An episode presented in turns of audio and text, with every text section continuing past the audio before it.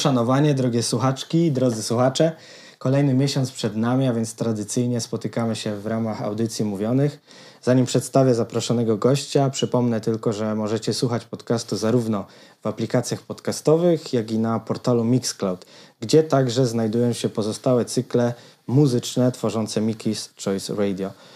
Przechodząc do gościa, na wstępie powiem, że jest dzisiaj ze mną niesamowity entuzjasta muzyki, bo mam wrażenie, że jakiekolwiek dźwięk, brzmienie czy nawet szum w duszy mu gra. Gitarzysta, klawiszowiec, producent muzyczny, inżynier dźwięku lubujący się w miksowaniu, sound designie czy teorii muzyki, Paweł Sulewski. No dzięki, cześć, bardzo Witam miło. Cię bardzo, miło. serdecznie. Bardzo Dziękuję. Ci, że przyjąłeś zaproszenie, że znalazłeś czas, żeby sobie tutaj ze mną pogadać. Czysta przyjemność.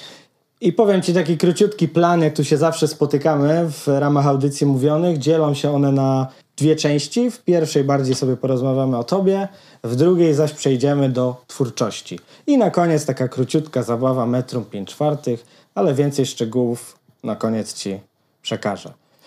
I tak teraz na początek, może to się wydawać proste pytanie, ale wiesz, patrząc na Twoją wiedzę i znajomość muzyki, wydaje mi się, że możesz mieć problem, ale wybierz trzy artystki, artystów bądź zespoły, które miały na Ciebie największy wpływ i cenisz je do dzisiaj.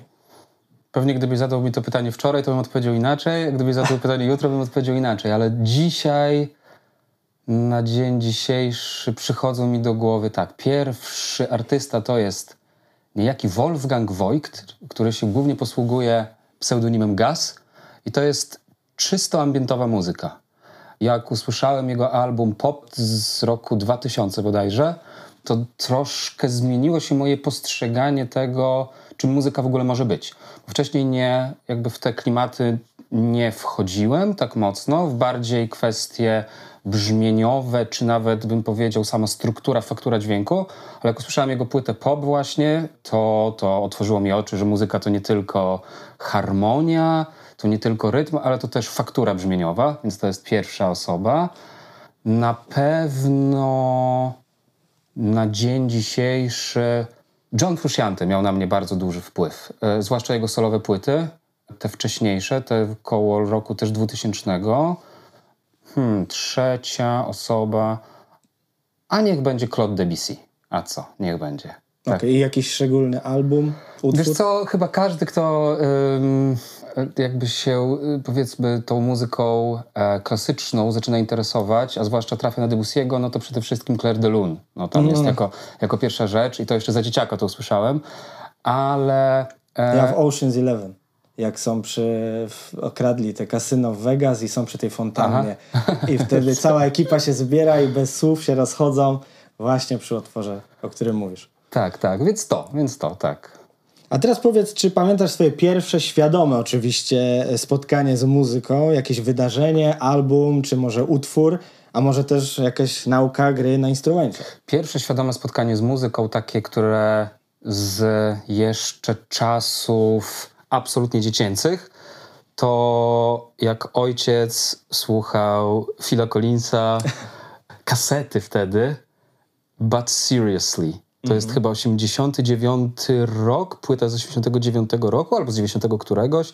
I pamiętam jak dziś, że po prostu zakatowane to było u mnie w domu. Mi się to strasznie podobało i rozstawiałem pudełka po czekoladkach i na perkusji grałem do tego. A, rozumiem. No nie, ja u mnie się sypało piasek do worków, ale każdy różne te instrumenty miał Tak, dość. tak, tak, tak, to to. Ale do kaset jeszcze wrócimy, ale co dopiero w drugiej części, ale już tutaj napomknąłeś o tym.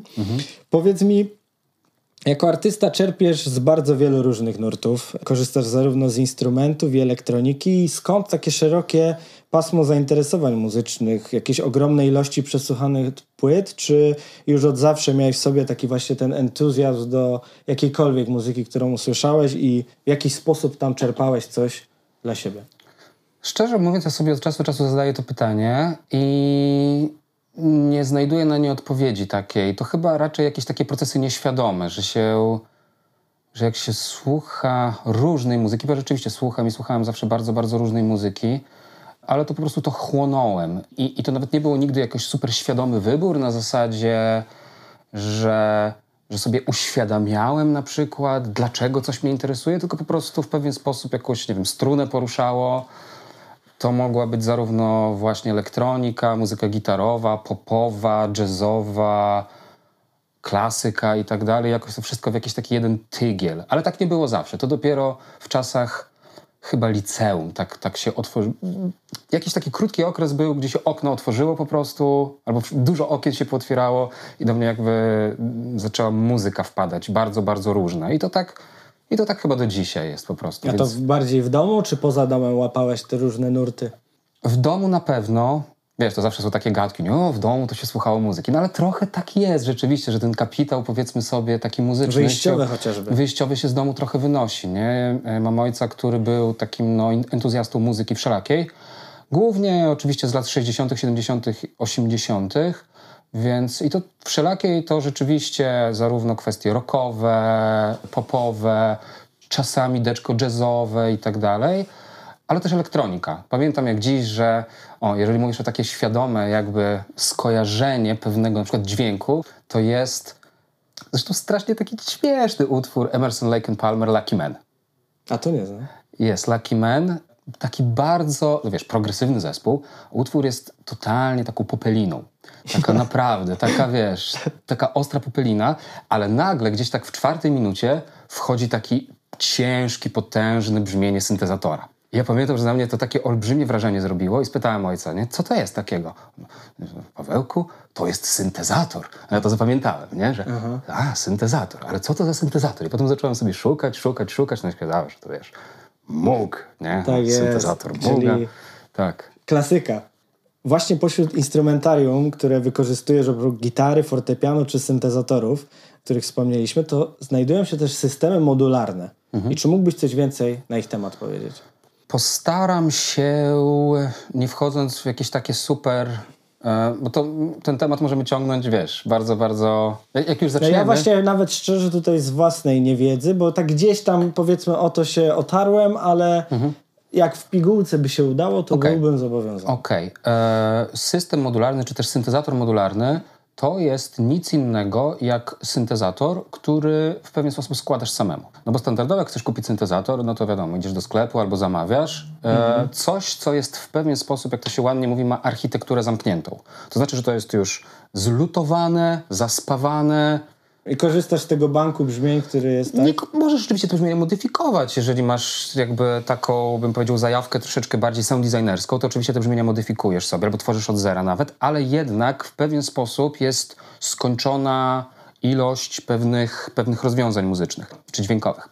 Syntezator modularny kupujesz do pewnego stopnia oddzielne części syntezatora i łączysz je ze sobą. Wobec tego nie ogranicza cię architektura zamknięta, tylko kupujesz po prostu pewną szafę, do której wstawiasz moduły. Czyli ku, ku, ku, Mhm. sam moduł zazwyczaj nie ma żadnej funkcji. I takie te przełączanie Dokładnie. kabli, Dokładnie. to, To- łączyć z tym. Dokładnie, dokładnie. I to przełączanie kabli Mhm. to jest dokładnie to, że jakby w, na bieżąco, w czasie rzeczywistym możesz dokonywać pewnych połączeń, Mhm. które w tradycyjnym syntezatorze, tak go sobie nazwijmy, są już, one już są stworzone wcześniej. One są już przez producenta, przez kogoś, kto to stworzył. Jakby to zostało przemyślane, jak to powinno być połączone, a w syntezatorze modularnym nic nie powinno być w żaden sposób stworzone ani połączone, tylko ty za każdym razem możesz po Inwencja prostu twórcza. totalnie od zera. To z jednej strony jest bardzo ciekawe, a z drugiej strony jest trochę przerażające, dlatego że, czy przerażające to złe słowo, ale, ale też takie hmm, nawet filozoficzne w pewien sposób. Dlaczego? No bo po pierwsze, nie możesz tego zapisać w żaden sposób, nie ma presetów, nie ma banku brzmień.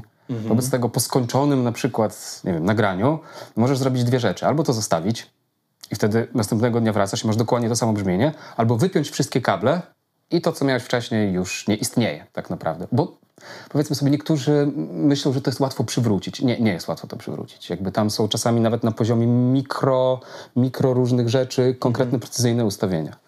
No więc to tak w pigułce po prostu. I to jest taki system, który jest całkowicie rozbudowywalny przez cały czas. To znaczy, że jeżeli chcesz mieć mały system modularny, to możesz mieć mały, ale jak chcesz, to możesz zabudować, wiesz, 100 metrów kwadratowych po prostu. Czyli to, to jest taki organizm, który się może rozwijać, rozwijać, rozwijać, rozwijać, rozwijać, rozwijać.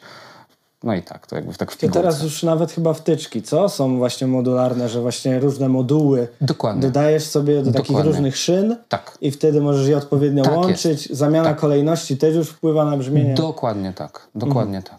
Rozumiem. I teraz jakiś czas temu udzieliłeś też wywiadu w czwórce Polskiego Radia na temat rodzaju szumów i ich charakterystyki. Przykładowo e, zauważyłeś, że szum wody mocno przypomina szum różowy. Chyba bardzo lubisz takie ambientowe brzmienia, używanie dźwięków, które nas otaczają, bo nie wiem, czy dobrze pamiętam, że nawet jesteś twórcą bądź współtwórcą paczki sampli wykorzystujących infrastrukturę twierdzy Modlin.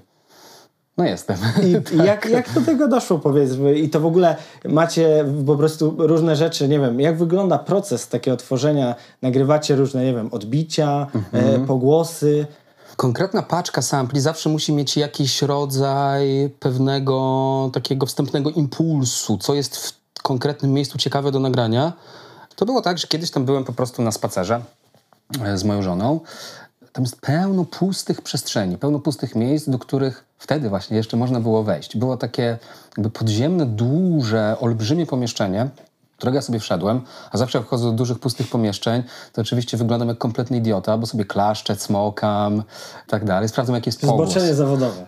Tak, tak, tak. Klaszczę, cmokam, sprawdzam, jaki jest pogłos, śpiewam sobie coś i pomyślałem sobie, wow, taki pogłos zdarza się rzadko, rzadko, żeby mieć do czynienia z takim pogłosem. No więc zapamiętałem sobie, że tutaj trzeba wrócić, ponagrywać jakby dźwięki pojedynczych instrumentów, które jakby tą aurę dźwiękową, które będą za- zatopione w tej aurze dźwiękowej. I pamiętam, że jakiś czas później przypomniałem sobie, o, Modlin. I e, pojechaliśmy z, z żoną jeszcze raz tam i się okazało, że, że to pomieszczenie jest zakratowane.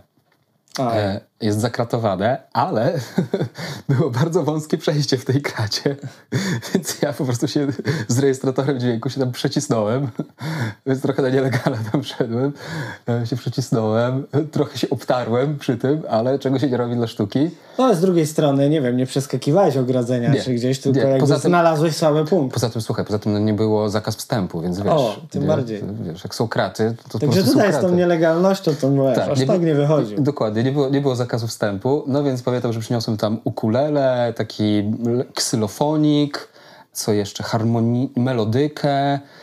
I po prostu pomyślałem sobie, że nagram taką paczkę. Ja zazwyczaj nagrywam takie paczki z myślą głównie o sobie, powiem szczerze, ale potem myślę sobie, mm, A właśnie, udostępnione, bo ja nawet tą paczkę tak, a mam. potem, a potem myślę sobie, zaraz, zaraz, zaraz, dlaczego tylko dla siebie? Przecież ja też korzystam z wielu różnych paczek i tak dalej, które ktoś udostępnia, więc zawsze myślę sobie, nie, nie, nie, jakby to powinno pójść. Nie? I każdy, kto chce sobie może z tego skorzystać. Tak, ale właśnie to takie, to jest w pewien sposób niepowtarzalne, nie? No bo powiedzmy sobie, wiesz, ty też masz doświadczenie z produkcją, że mamy pogłosów milion różnych, nie? Pluginów, wtyczek, hardware i tak dalej. No ale powiedzmy sobie szczerze, taki pogłos o takiej, mm, o takim brzmieniu, można było powiedzieć, istnieje tylko tam. Po prostu. Nie? nie ma nigdzie indziej na świecie czegoś takiego, więc to jest takie w pewien sposób niepowtarzalne, nie? że jest jakieś takie miejsce, które ma swoją taką pieczątkę dźwiękową. Jakby znowu, nie wchodząc w bardzo dużo szczegóły, jest możliwość techniczna stworzenia pewnego zdjęcia dźwiękowego konkretnej przestrzeni akustycznej, no to to wymaga tam konkretnych przygotowań i tak dalej, i tak dalej, ale rzeczywiście takie same niejako zdjęcia pogłosu można sobie stworzyć własne w konkretnych miejscach i potem to jest taka sytuacja, ja się nie znam na grafice, ale tak jak masz nakładanie warstwy na warstwę. Czyli masz warstwę pogłosu, nakładasz na konkretny dźwięk i nie musisz fizycznie być w tym miejscu, żeby uzyskać brzmienie tego miejsca. Tak, tam jakieś na liście i kaplice, piwnice, Dokładnie, dokładnie. e, odpowiednie komory różne. Tak, tak, tak, tak, I dokładnie. takie nawet abstrakcyjne miejsca Tak, tak, jakieś. tak. Niektóre są bardzo abstrakcyjne, więc w tym modlinie też kilka impulsów nagrałem właśnie takich, żeby... A, i wtedy właśnie można sobie swoje brzmienie jakby wrzucić i tak Dokładnie. jakby się było... Dokładnie. A, okej. Dokładnie. Rozumiem. No i przejdziemy teraz właśnie płynnie do Akademii Dźwięku, gdzie jesteś trenerem. Tam też się poznaliśmy. Tak jest. E, oprócz, Pamiętam. O, oprócz prowadzenia zajęć, także tworzycie bardzo fajne materiały do sieci. Dostępne są dla wszystkich na portalu YouTube. Mam na myśli Akademia Dźwięku Live, e, czy teraz nowszy cykl AD czy AD Shorts. Jak się czujesz w roli edukatora, trenera i pogromcy mitów w produkcji muzyki? Czuję się bardzo dobrze. Bardzo lubię tę robotę. To jest też ciekawe, że przez lata się e, dosyć mocno też otworzyłem, bo ja z natury jestem dosyć introwertyczny, ale jednak ta codzienna, codzienna dawka spotkań z ludźmi, z kursantami, z zajawkowiczami i tak dalej, też jakoś bardzo mocno mi pomogła po prostu chyba być lepszym trenerem, więc czuję się bardzo dobrze, czuję się znakomicie i bardzo lubię to robić po prostu. No i bardzo fajnie prowadzisz zajęcia, bo akurat tutaj mogę z autopsji ocenić i przekazać, że bardzo tutaj lubiliśmy te spotkania z Tobą. I zachęcam w ogóle słuchaczy do zajrzenia na kanał Akademii Dźwięku, bo tam opowiadasz między innymi, tutaj takie spisałem sobie niektóre z tematów, które moim zdaniem super ciekawe, e, między innymi anatomia muzyki synthwave, e, produkcja muzyczna lo-fi, właśnie pogłosy impulsowe, resampling, czy jak właśnie lepiej przekazać energię w e, sekcji rytmicznej. Także bardzo fajne i ciekawe tematy, ale tutaj chciałem zapytać o rekonstrukcję utworu. Mhm. Jak zabierasz się za rekonstrukcję utworu? Bo ja nigdy tego nie robiłem, tak pytam z czystej ciekawości. I na co należy tak zwrócić szczególną uwagę, bo podejrzewam, że no, trudność rekonstrukcji wiąże się też z trudnością, jak jest złożony utwór pierwotny, ale czy są jakieś takie główne wskazówki, na co można zwrócić uwagę?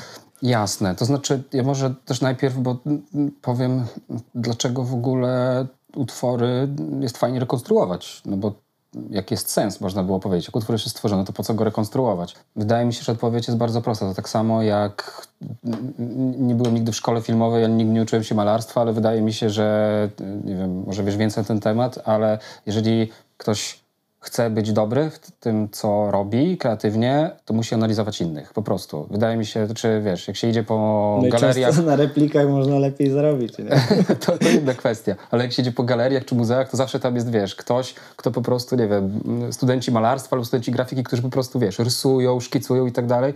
I wydaje mi się, że w muzyce jest podobnie, że, że jakby analizując inne utwory, tak nie tylko na zasadzie, no spoko numer, albo a, fajna stopka. Stopka idzie równo. Dokładnie, nie? to nic nie znaczy oczywiście. Aha. Tylko tak wiesz, jakby głębiej się zanurzyć w tą całą kwestię produkcyjną, to to jest, wydaje mi się, niesamowita lekcja produkcji, nie?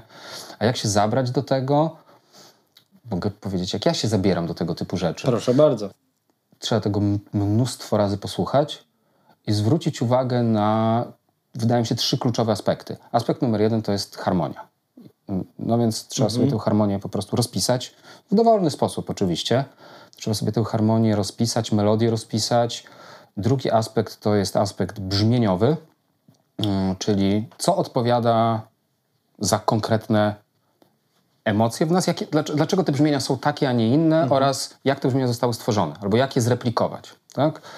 I trzeci aspekt to jest aspekt mikserski, czyli dlaczego to wszystko ze sobą współgra nie harmonicznie, tylko brzmieniowo. Na takich trzech punktach zazwyczaj takie utwory sobie analizuję, nie? czyli harmonia jest podstawa, zazwyczaj też, wiesz, przypianie po prostu i tyle.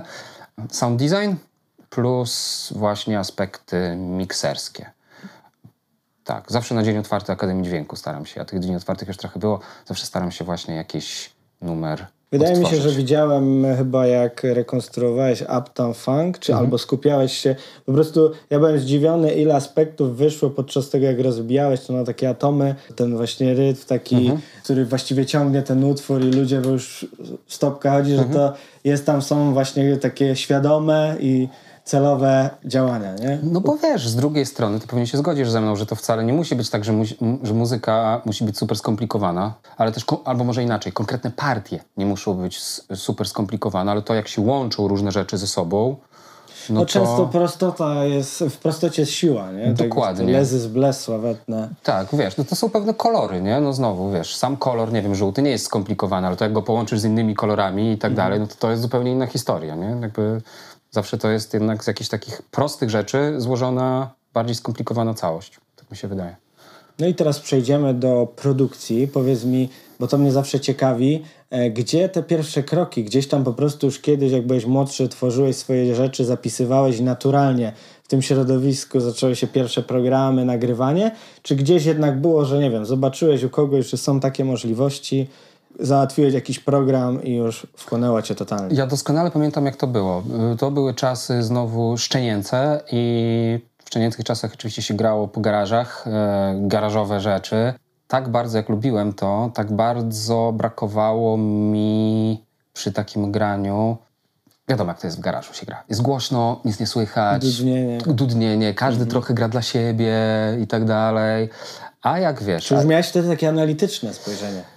Ja wiem, pewnie nie wiem, czy tak bym to nazwał, czy to analityczny, czy to bardziej po prostu taki, wiesz, ro- rodzaj pewnego takiej dys, mm, jakby to powiedzieć, małej satysfakcji, wielkiej satysfakcji z grania, ale małej satysfakcji z, Z brzmienia. z brzmienia. O tak, nie? O tak bym powiedział. I, I wiesz, i były czasy, był taki program, chyba, nie wiem, czy do dzisiaj istnieje, Cool Edit Pro się nazywał. Cool Edit Pro. Możesz- Nie, nie wiem, nie, nie zaznajomiłem się, ale widzę po twoim spojrzeniu, że chyba za dużo nie straciłem. Polegało to na tym, że ja po prostu sobie nagrywałem gitarę do tego Cool Edit Pro, a potem sprawdzałem, nie było żadnych tutoriali wtedy oczywiście, YouTube'a jeszcze nie było, więc sobie po prostu klikałem w różne miejsca, sprawdzałem jak to wpływa na dźwięk, nie? I tyle. I jakby, więc wiesz, fajne było to na przykład, że nie wiem, zagrało się, nie wiem, trzy proste akordy i tam nawet nie wiedząc w co klikam i tak dalej, te trzy akordy zaczynały brzmieć zupełnie inaczej i nagle z prostej jakiejś partii wiesz, jakieś takie faktury różne, nie, były. I to tak jakby popłynęło potem. Ale to pamiętam, że to właśnie od tego się zaczęło, nie? Ale Że... to chyba nie jesteś pierwszym producentem, którego tutaj miałem przyjemność gościć w Mickey's Choice Radio, że właśnie mówię o tym programie, bo tak ja nie miałem z nim styczności, ale Tak? ta nazwa gdzieś mi się kołacze, jak teraz mówisz. No bo teraz, no, ale no wiesz, wyobraź sobie, nie wiem, Polska, rok 2002, pierwszy. To nie, ja tak w 2000 gdzieś 5, 6 i to ja już Fruity Loops, nie? No tak, tak, To tak, już, tak. I, I powiem szczerze, że nigdy mi nie leżał ten program. Wiesz, program to tylko program, nie? Ja też, wiesz, jest taka trochę, to bez, bezsensowna moim zdaniem walka, nie? Pomiędzy, zwłaszcza początkującymi. Wiesz, e, tam Fruity Loops to jest e, najgorszy, a nie, bo Ableton jest najgorszy, a nie, bo, wiesz, ostatecznie nobody cares, wiesz. No mi jedynie co mogę oceniać Ableton, że jakby naturalnie. Ja tam usiadłem, totalnie zielony i pewne rzeczy zaczęły. Wiadomo, że pewnie już miałem łatwiejszy start, bo w tym Fruity Loopsie działałem. Ale nigdy tak nie miałem raczej, no jak pracujesz w jakimś środowisku, że siadam gdzie indziej i czuję się lepiej, nie? Więc jak mnie ktoś No nie, pyta o jak zdanie, to ja powiem szczerze, no dla mnie Ableton jakby jest wyżej, ale też na przykład znam producentów, którzy robią, nie wiem, w innych Fruity Loopsach, Cubase'ach i robią świetną muzę, więc Oczywiście. to nie jest e, recepta, że kupisz Abletona i będziesz robił super muzę. Nigdy, Ale nigdy. według mnie ważne jest środowisko, w którym pracujesz. Bo jest- o wiele łatwiej kilka elementów mi przyszło w Abletonie niż w Fruity Loopsie. Jasna sprawa, to jest kwestia personalna znowu. W czym się lepiej poczujesz, ale też kwestia tego, jeżeli wiesz, ktoś pracuje w jakimś programie przez dłuższy czas, to ciężko się przesiąść na coś innego. Można, Mm. ale z drugiej strony po co? Nie wiem, wiesz. Jak się Tak, dobrze tak, czujesz, Tak jak mówisz, te, te walki, że to jest Tak. niepotrzebne. wiesz, masz najwygodniejsze buty świata, które dobrze znasz, no to po co masz się przesiadać w niewygodne, nie? No bo to Mm. zawsze jest trochę niewygodne, jak się przesiadasz na inny program, wiesz, no...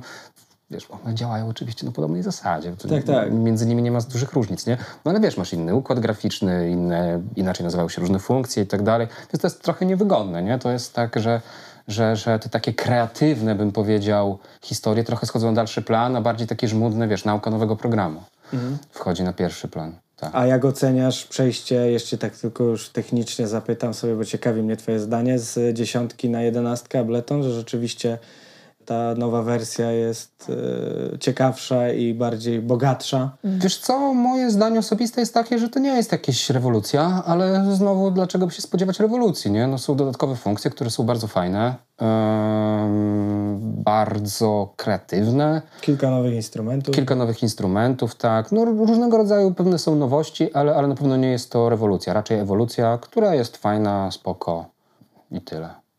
No i teraz zakończymy na produkcji pierwszą część i w drugiej właśnie już do owoców przejdziemy, czyli do twórczości i zaczniemy autorską e, epką z 2021 roku Gondwana. Sześć utworów w bardzo spokojnej stylistyce i gdybyś powiedział coś więcej o samym projekcie, tytule, inspiracjach i wykorzystanych e, stylach. Jeżeli chodzi o gatunek, no to oczywiście nie mam zielonego pojęcia, ale pewnie można to spiąć wszystko około ambientowymi historiami.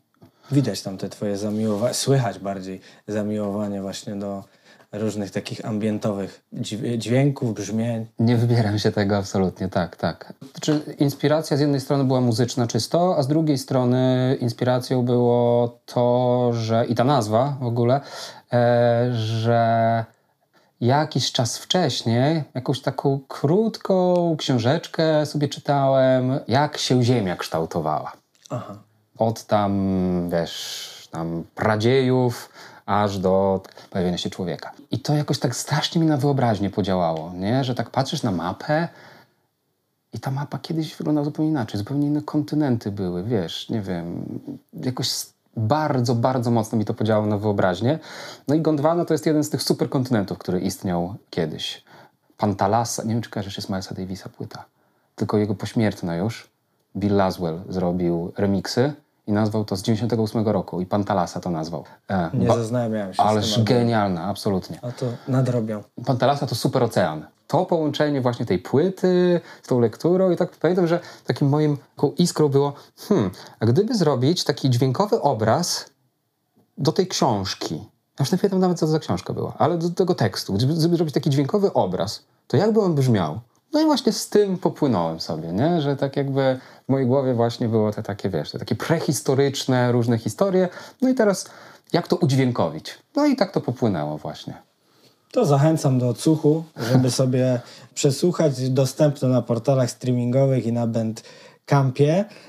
Kolejny twój projekt, również 2021 rok.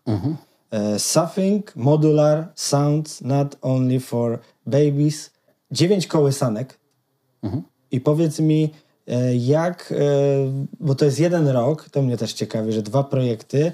Dla mnie ten drugi e, album, o którym teraz mówimy, to takie takim anturażu lo-fi, ale bez sekcji rytmicznej. Też bardzo spokojne granie. I gdybyś coś więcej powiedział na temat tego albumu, bo też on jest wydany, co mnie bardzo pozytywnie zdziwiło, na kasecie. Jest wydane na kasecie. I tak. są jeszcze dostępne te kasety, na Bandcampie można dostać. Tak. Młodszej siostrze, najmłodszej mojej, będę musiał pewnie tłumaczyć, co to jest, jak będzie słuchała tej audycji. Ale powiedz mi właśnie, skąd pomysł i z tym wydaniem kasetowym i na sam ten bardzo taki spokojny Okej. e, album. Okej. To jest akurat dosyć prosta sytuacja i znowu się połączyło kilka rzeczy różnych. Pierwsza rzecz to taka, że akurat wtedy z żoną oczekiwaliśmy narodzin synka. Ona wiadomo, z dużym brzuchem była i szła spać, a ja wieczorem miałem dużo czasu dla siebie, Okej. więc oczywiście odpalałem modulara. Aha. To też nie, to nie jest tylko instrument dla mnie, ale też sposób spędzania czasu. Niczego Rozumiem. nie muszę nagrywać, ja po prostu mogę siedzieć i kręcić. A to też ponoć jest takie niebezpieczne, że czasami można w to wchłonąć i ciągle się szuka brzmień, To a, prawda. a nic się nie tworzy. Nie? To prawda, jest też niebezpieczne dla kieszeni, bo można skończyć pod mostem po prostu, ale z modularem oczywiście.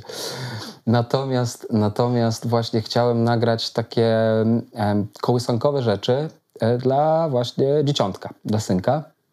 A z drugiej strony też wiele, wiele lat temu trafiłem na taki trzyczęściowy album e, Soothing Sounds for Baby. Z takiego kompozytora, który jest skandalicznie mało znany, Raymond Scott się nazywa, e, nazywał. On głównie był kompozytorem do Walta Disneya, różnych rzeczy, ale też właśnie był wynalazcą instrumentów. Wobec tego tworzył własne instrumenty i na tych instrumentach stworzył właśnie taką trzyczęściową, e, trzyczęściowy cykl właśnie takich, wiesz co, z jednej strony te brzmienia na, na, na tych albumach, one nie są super soothing. One są dziwne. One są takie niby przeznaczone właśnie jako kołysanki, ale z drugiej strony one mają taki bardzo duży poziom pewnej takiej psychodelii. To trochę jak muminki. E, teraz, teraz właśnie z racji tego, że jestem ojcem, oglądam dużo muminków. Okej. No i wiesz, muminki mają taki klimat. Niby bajka, a z drugiej strony wiesz, że tam jest dosyć, jest dosyć dziko, nie? Ale, to, ale, ale te, te płyty strasznie mi się podobały, właśnie przez to, że mają taki psychodeliczny klimat. No więc ja chciałem z jednej strony troszeczkę połączyć właśnie te, te, te, te, tego Raymonda Scotta z taką, nie boję się użyć tego słowa, pewną użytkową kwestią dotyczącą e, muzyki, czyli właśnie muzyka, do której mm, sobie można zasypiać. A że modular się na tego świetnie sprawdzał, no to po prostu połączyłem te trzy punkty i tyle. I mogę tylko powiedzieć, że działa, bo No To czyli najlepszy, najtrudniejszy test zdany. E, tak, tak, tak, działa i się z tego cieszę. A kaseta, jeżeli chodzi o, o kwestię, że, że kaseta, wiesz co, to jest kwestia związana z labelem, z wytwórnią. Opus Elefantum, y, label polski, który mi pomógł z wydaniem tej płyty i wydał tę płytę. Oni w swoim katalogu mają to, że wydają też na kasetach. Mhm. E, Bardzo ładnie w ogóle to jest wydane na tej kasecie. Tak, tak, tak, tak. Więc, więc stąd, stąd kaseta. Ale też się cieszyłem, bo jednak kasety to dzieciństwo, więc no, taka właśnie nostalgia. Ja tak zaczynałem od tego, tej kasety. Tak. Pamiętam, jak jakiś utwór się spodobał i te przesuwanie cały Oczywiście. czas. A najlepiej było, jak się był, rozpoczynał jakąś stronę. Tak. To wiedziałeś, że do strzelenia tak. klawiszy możesz przewijać, a najgorsze było to szukanie. Słuchaj, to przecież tego dzisiaj nikt już powiedzmy sobie pokolenie doświadcza tego, że wiesz, że, słuchaj, trzeba przewinąć, żeby przewinąć kasety, żeby na jakiś utwór trafić, nie? -hmm. W ogóle wow. Ale ja nie ukrywam, że za kasetami jakby ja jednak lubiłem to, że też u babci w domu były jakieś płyty winylowe i mhm. jednak bardziej wolałem w e, tym kierunku. Nie? No tak, jedno i drugie jest bardzo fajne. Chociaż nie wiem, czy wiesz, ale ostatnio gdzieś przeczytałem, że pierwszy raz od jakiegoś kosmicznego czasu sprzedaż kaset wzrosła. Tak, tak, tak, tak. Czytałem artykuł, że kasety właśnie ruszył się, że tak powiem, no. rynek kaset. No ale uwielbiamy nostalgię, no uwielbiamy no retro, więc no ja myślę, że to w jakimś stopniu wróci. Może nie z taką siłą jak teraz płyty winylowe. No tak. Bo to właściwie to już jest chyba ileś lat, gdzie płyt winylowych się więcej chyba sprzedaje niż... Niż CD-ków Tak, pewnie. tak, tak. Też tak myślę. Także wracają, wiesz, teraz reedycje różne i tak dalej, ale to mnie akurat cieszy. Mnie tylko nie cieszy to, że jest coraz więcej ludzi, co zbiera te e, winyle stare, a mhm. jak popyt jest, to ceny też idą do góry. I teraz e, Gershwina albo Glena Millera za 5 zł, jak kiedyś kupowałem, to nie kupisz. Umówmy się. Do tego dochodzi inflacja, ale no, to już są to, tematy, tak. Dokładnie. To już za bardzo odchodzimy od muzyki. Idąc dalej w Twojej twórczości i nie ukrywam, że tutaj najważniejsze dla mnie pytanie, bo dwa single są wydane do jeszcze materiału, który jeszcze się nie ukazał, ale zapowiada i zwiastuje album. Takie brzmienie dla mnie właśnie bardzo przyjemne, spokojne, ale tutaj już właśnie fajne, płynące bębny, no idealnie uderza to w moje nuty, a trzy, dwa utwory, które wydałeś to jeden 3 e, oraz Sen Zoi. I ten Sen Zoi to jest po prostu Mistrzostwo Świata. I teraz opowiadaj, kiedy album, kiedy materiał i czego możemy się spodziewać? Okej, okay. album y, najprawdopodobniej w sierpniu. Czego się możemy spodziewać? Wiesz co? Po prostu hip-hopu takiego. Y, chill hop. Jest taki gatunek chill hop chyba. Wiesz co, jest chill hop i bardzo mnie cieszy, że oni w ogóle w ciągu lat urośli w taką siłę, bo jest taka, oni już teraz chyba są labelem nawet. Na YouTubie są różne kompilacje no i tak, tak dalej, zrzeszają wielu producentów i miliony wyświetleń, więc ludzie chcą tego słuchać, a to jest świetna muzyka. Mhm. Ja pamiętam, że jak lata temu tam to jeszcze to nie było tak, że tak powiem, no nadal nie jest na świeczniku, ale na pewno wypłynęło. Jest to dosyć spora nisza, o tak. Tak, i cieszy tak. mnie to i, i fajnie, że, e, że właśnie między innymi też tworzysz w tym nurcie ten album, bo właśnie te dwa single, co zwiastują, naprawdę fajny materiał. Fajnie, cieszę się bardzo. Wszystko jest instrumentalne, też stara, starałem się znowu pewnie nie do końca świadomie, ale żeby to miało taki klimat troszeczkę zakurzony, brudny, brudny tak. tak. Tak, to czuć i w ogóle zachęcam do odsłuchu, bo to, o czym właśnie tutaj mówisz w tym albumie, naprawdę czuć i to jest typowo low-fiowe, fajne granie. Jest to low-fiowe, tak, tak. No i w ogóle lubisz chyba co? W takiej, bo widać, że jak te filmy dla Akademii Dźwięku i tam właśnie opowiadasz o tym, jak można produkować low-fi, to, to widać tą taką pasję, że tam lubisz ten brudny sygnał taki... No lubię, wiesz, bo im częściej się, to znaczy jak się ma pewne doświadczenie w dawie właśnie, to bardzo często jest tak, że wiele rzeczy jest zbyt Zbyt doskonałych to może złe słowo, ale brzmi zbyt klinicznie.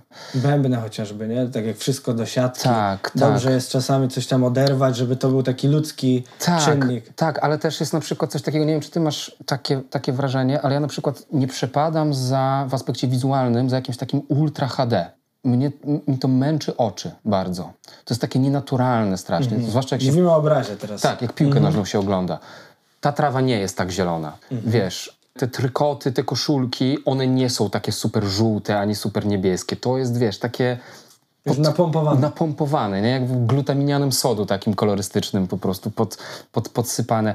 Ja nie lubię tego i w muzyce też chyba nie przepadam za czymś takim, jeżeli coś jest takie, wiesz, jakby super jakby to powiedzieć, aż, aż nienaturalne, nie? Mm, mm, To ja mam roz, rozdział, znaczy obraz możliwe, że wiesz, jakby może też nie oglądam aż w takiej jakości, ale nie ukrywam, że przejście e, na ten poziom HD, to dla mnie to było no Mistrzostwo Świata i powrót teraz bym miał ciężko, ale w brzmieniu tak nie mam. W brzmieniu wolę, jak gdzieś nawet są jakieś, nie wiem, lekko tam dudniące, ściszone bębny, właśnie tak jak w lo-fi, a znowu takie miksy, powiedzmy często z muzyki pop.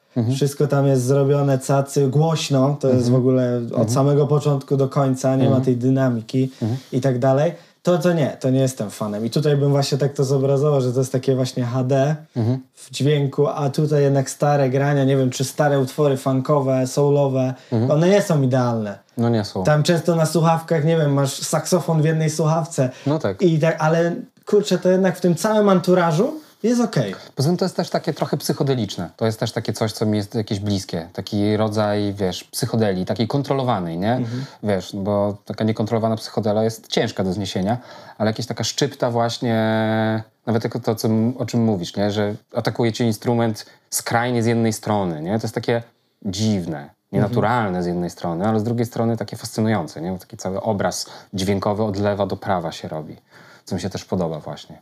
No bo jesteśmy przyzwyczajeni i to jeszcze przed rozmową mówiliśmy, że są pewne standardy w miksie, ale fajnie jest odkręcać w jedną albo w drugą stronę, ale też nie można przesadzić, że Tak, poza tym pewne standardy to są tylko i wyłącznie standardy. No wiesz, no znowu, jako fan jazzu, przecież wiesz, jak sobie posłuchamy płyt z 50 któregoś roku, czy z 60 któregoś roku, no to tam przecież bardzo często było tak, że na przykład, nie wiem, bębny skrajnie całość po jednej stronie. Tak, tak. Nie wiem, kontrabas, kontrabas, basowy instrument, skrajnie po drugiej stronie. W ogóle wiesz... A tu tylko dodam, że jakby według zasady to wszystko w centrum powinno być właśnie niskie częstotliwości, Dokładnie. czyli bębny, bas to powinno być według podręcznika Dokładnie. w środku. Dokładnie. A nie? tutaj jest właśnie, Dokładnie. jak mówisz... Dokładnie. Albo wiesz, Beatlesi, jak stereofonia, wiesz, te pierwsze stereofoniczne ich rzeczy, nie? W ogóle strasznie dziwnie się tego słucha dzisiaj, bo często jest tak, że na przykład w środku nie ma nic. Jest pusto. Jest tylko po jednej stronie Albo po drugiej. albo po drugiej. Koniec. W środku nie ma nic, nie? Ale ja to lubię po prostu. Mnie to... Mnie to... No ale widzisz, na przykład tak jak Take Five Dave'a Brubeka, Tak. to dobrze brzmi, a to są Oczywiście. lata, tam nie wiem, 60, nie chcę kłamać, 64 chyba? Coś takiego. Przełom takie, 50, 50 i 60 lat. No. coś takiego, no a to brzmi bardzo dobrze, nie? Więc, Doskonale. tak. Doskonale. No i teraz jeszcze w twórczości dwa pytanka. Byłem, nie ukrywam, zaskoczony.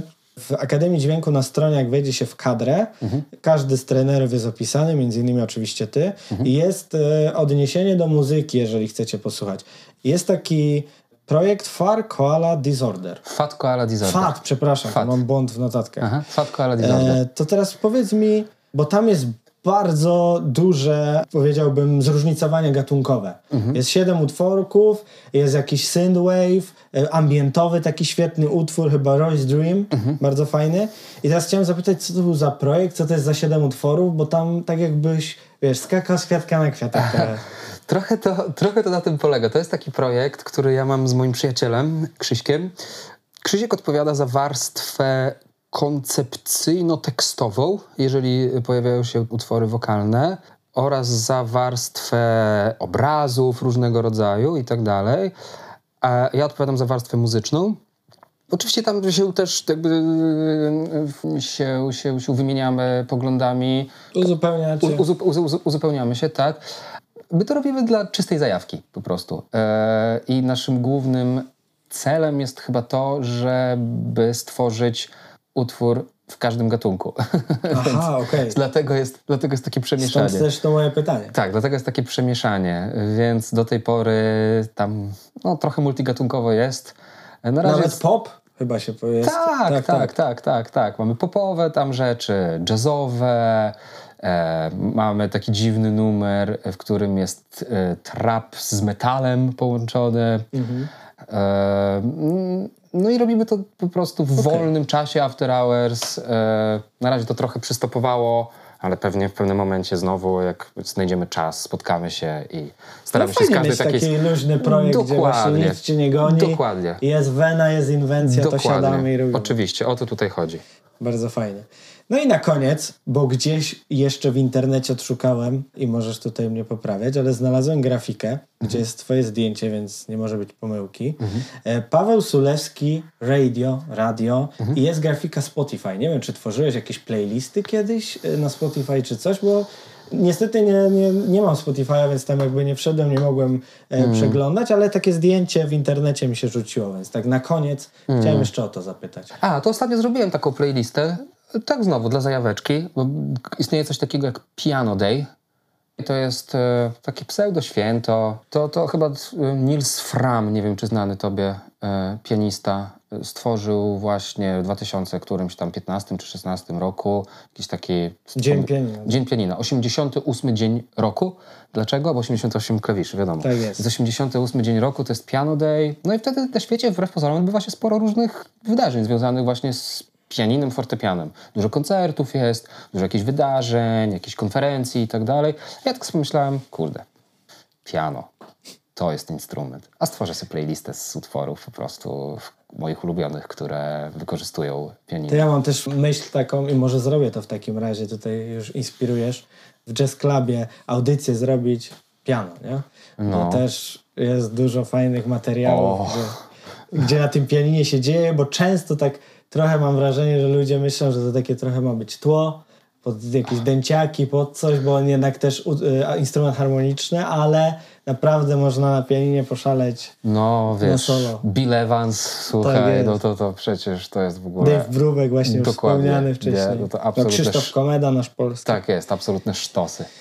Tak jest. No i powiem Ci tak, dobrnęliśmy do końca, ale jeszcze e, zanim e, zakończymy, no to wspomniana na początku zabawa.